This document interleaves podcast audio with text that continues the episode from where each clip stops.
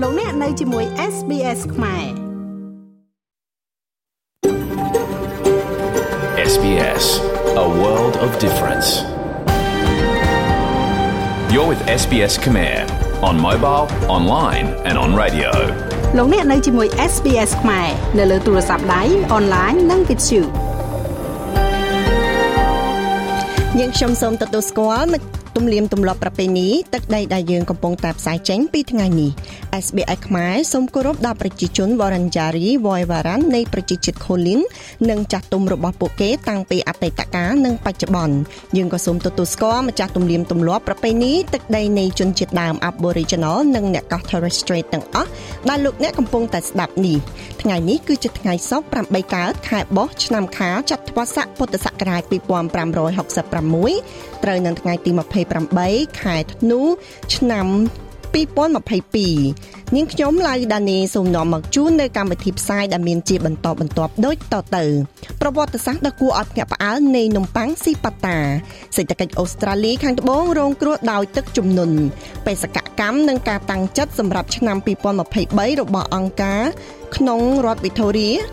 និងរបាយការណ៍ពីប្រទេសកម្ពុជាទាំងនេះនឹងនាំមកជូនប្រិមិត្តអ្នកស្ដាប់បន្ទាប់ពីនីតិព័រមានមេតិការនៃព័ត៌មានសំខាន់សំខាន់មាន អ្នកគ្រប់គ្រងរបស់វីរៈបរោះបាល់ទាត់ផាឡេប្រតិកម្មចំពោះដំណឹងមរណភាពរបស់គាត់តារាបង្ហាញម៉ូដជនជាតិអង់គ្លេសវីរៀន Vivian Eastwood ទទួលមរណភាពក្នុងអាយុ81ឆ្នាំការប្រកួតតែមួយគត់របស់ Palace នៅក្នុងប្រទេសអូស្ត្រាលីនៅតែត្រូវបានគេចងចាំរយៈពេល50ឆ្នាំចុងក្រោយ ចាប់ប្រិមិត្តអ្នកស្ដាប់ព័ត៌មានដំបូងនេះគឺតកតងទៅនឹងអ្នកគ្រប់គ្រងរបស់វីរៈបុរសបាល់ទាត់ពិភពលោក Palace បានប្រឆាំងចំពោះព័ត៌មាននៃការស្លាប់របស់គាត់នៅខាងក្រៅមន្ទីរពេទ្យដែលជាកន្លែងដែលគាត់អនិច្ចកម្មរបាយការណ៍វិទ្យាសាស្ត្របញ្ជាក់ថាកីឡាករកម្ពុជាតារារូបនេះបានស្លាប់ដោយសារតែជំងឺមិនប្រក្រតីនៃសរីរាង្គដែលបង្កឡើងដោយជំងឺមហារីកពោះវៀននៅក្នុងអាយុ82ឆ្នាំអ្នកកាន់កាប់ស្តង់ដារនៃហ្គេមដ៏ស្រស់ស្អាត បានប្រយុទ្ធនឹងជំងឺមហារីកពោះវៀនធំនិងទទួលការព្យាបាលដោយសារសារធាតុគីមីជាប្រចាំចាប់តាំងពីគាត់មានសាច់ដុំចេញពីពោះវៀនធំកាលពីកាលពីខែកញ្ញាឆ្នាំមុនអតីតរដ្ឋមន្ត្រីកីឡាប្រេកីឡាករប្រេស៊ីលរូបនេះត្រូវបានបញ្ជូនទៅមន្ទីរពេទ្យកាលពីចុងខែវិច្ឆិកាដើម្បីឲ្យគ្រូពេទ្យវិតម្លៃការព្យាបាលរបស់គាត់ឡើងវិញអាលីផេអូភេ ទ Bitting ដែលមានអាយុ66ឆ្នាំគឺជាអ្នកគ្រប់គ្រង Palace ចាប់ព័ត៌មានមួយទៀតគឺតកតងទៅនឹងអ្នកច្នៃម៉ូដជនជាតិអង់គ្លេស Vivian Ashwood បានទទួលនៅមរណភាពនៅក្នុងអាយុ81ឆ្នាំសេចក្តីថ្លែងការណ៍របស់គាត់តំណាងក្រុមហ៊ុនរបស់នាង បានអះអាងថានាងបានទទួលមរណភាពខណៈពេលដែលមានសមាជិករបស់ក្រុមគ្រួសារហុំព័ទ្ធនាងនៅក្នុង Club Park ភាគខាងត្បូងនៃទីក្រុងឡុងស្ត្រីអ្នកជំនួសរូបនេះបានក្លាយជាអ្នកលេចធ្លោនៅលើឆាកម៉ូដនៅក្នុងទសវត្ស1970ជាមួយនឹងការរចនាគួរឲ្យចាប់អារម្មណ៍អាវយឺតពាក្យស្លោកនិងអាកប្បកិរិយាមិនចេះកោតខ្លាចចំពោះការបង្កើតថ្មីថ្មីរបស់នាង Because of Pele ខ្ញុំគ្រាន់តែប្រើម៉ូដរបស់ខ្ញុំជាលេសដើម្បីដើម្បីធ្វើនៅអ្វីដែលជាអំពីនយោបាយនិងវប្បធម៌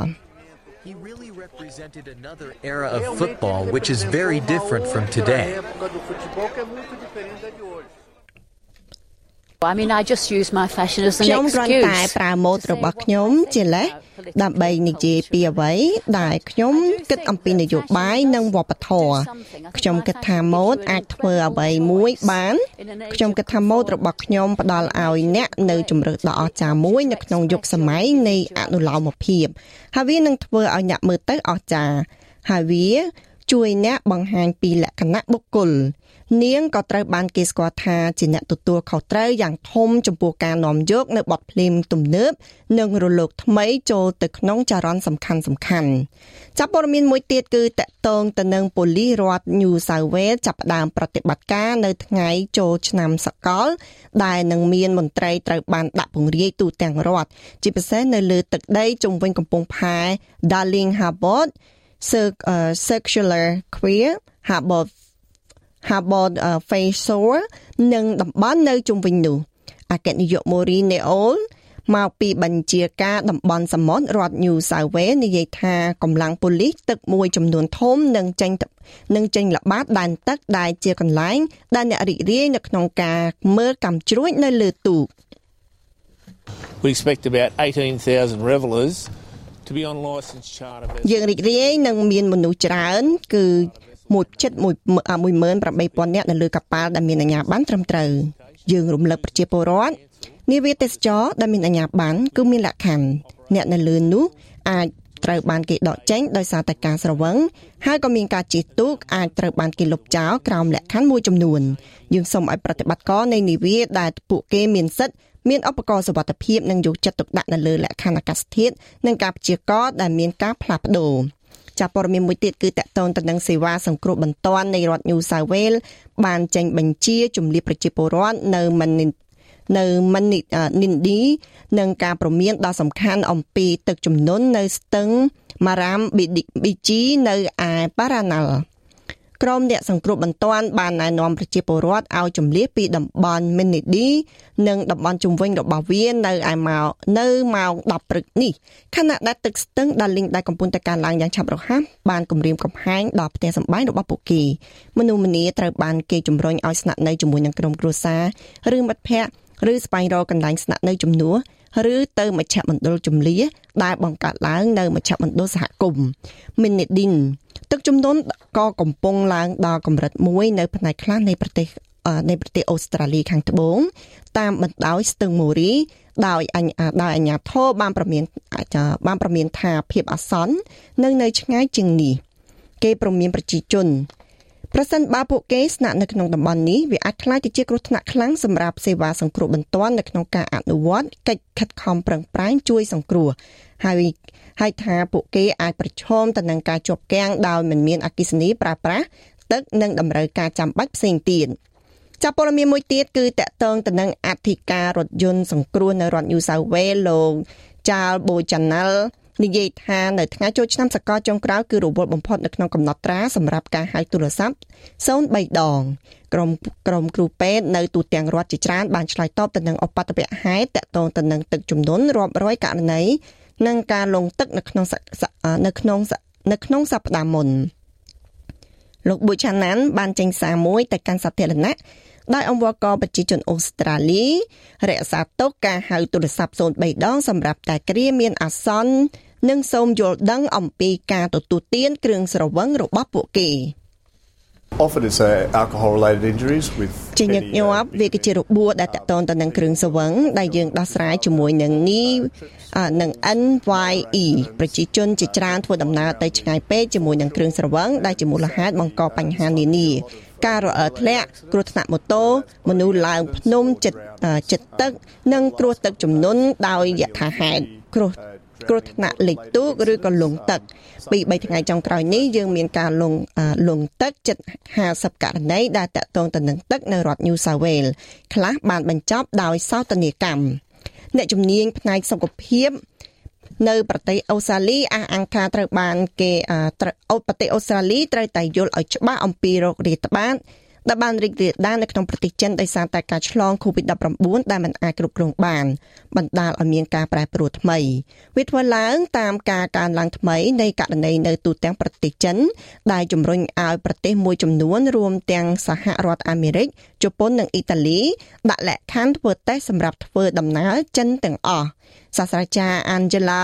Webster និយាយថាប្រទេសចិនត្រូវតែបង្ហាញដំណាភាពបន្ថែមទៀត។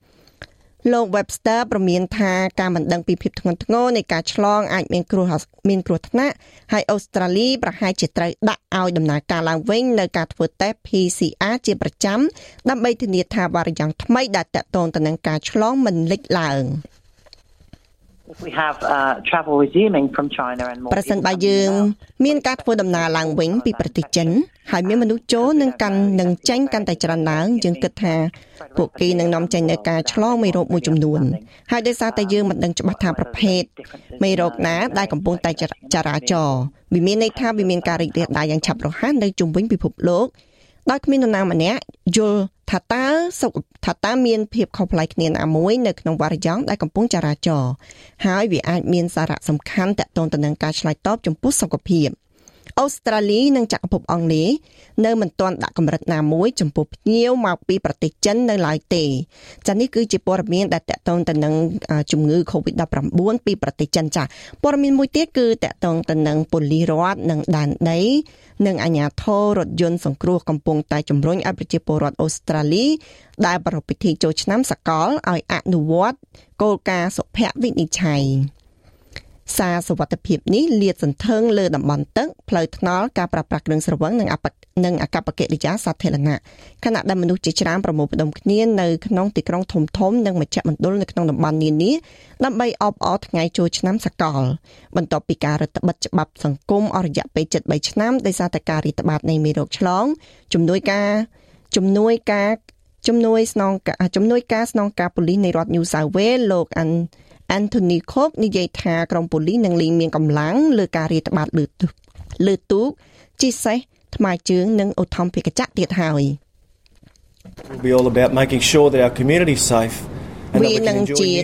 ការធ្វើឲ្យប្រកាសថាសហគមន៍របស់យើងមានសមត្ថភាពហើយយើងអាចរីករាយនៅក្នុងថ្ងៃចូលឆ្នាំសកលនិងប្រពៃពិធីជាមួយគ្នាដោយសារដោយការគោរពនិងការទទួលខុសត្រូវសូមមេត្តាហើយអ្នកចង់ពិសាស្រា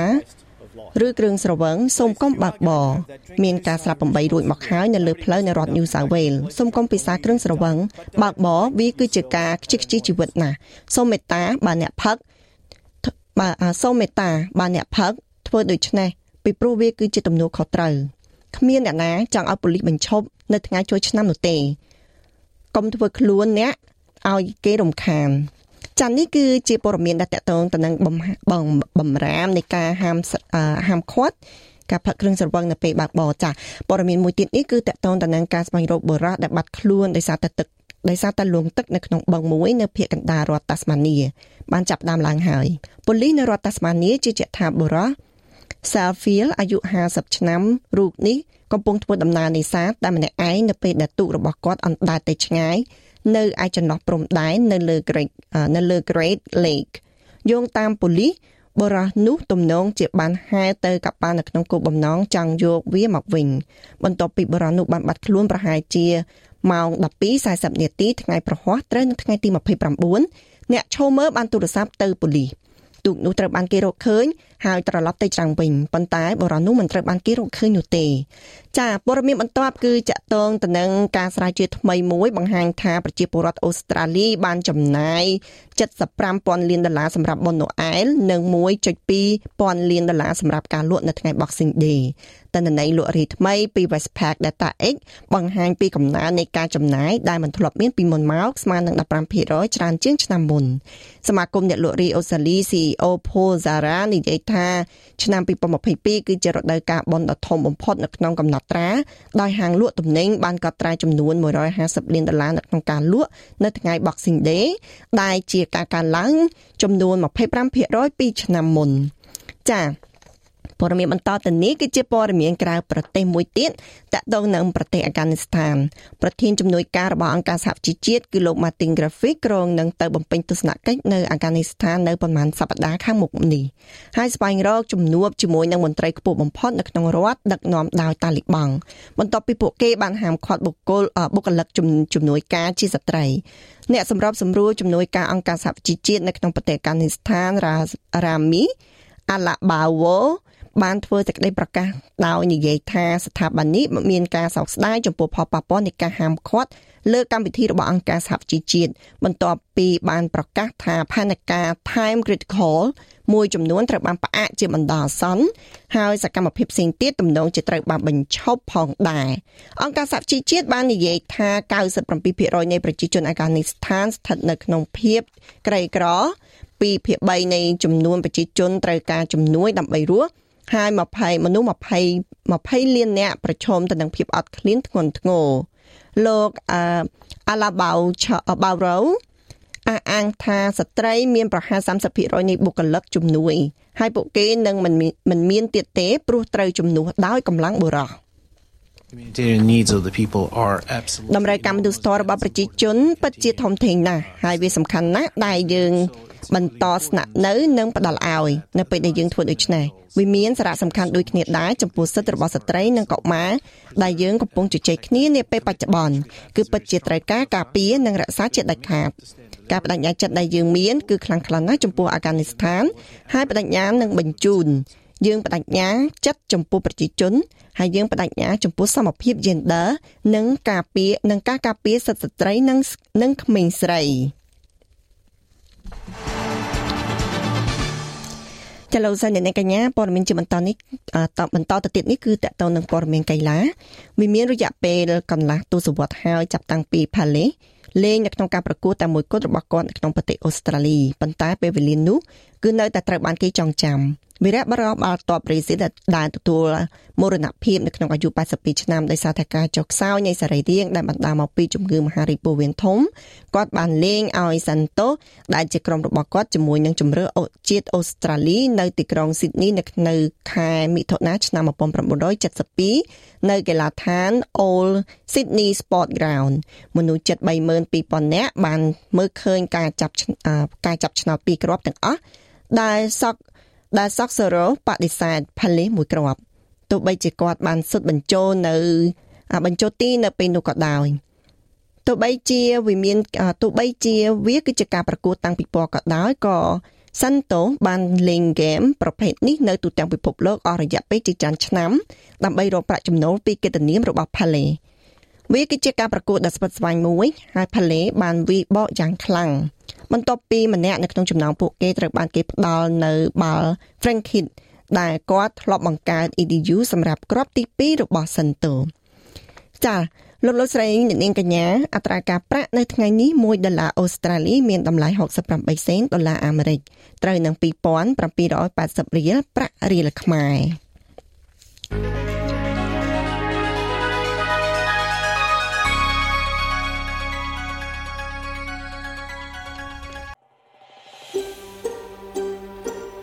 ង់ស្ដាប់រឿងក្រៅបែបនេះបន្ថែមទៀតទេ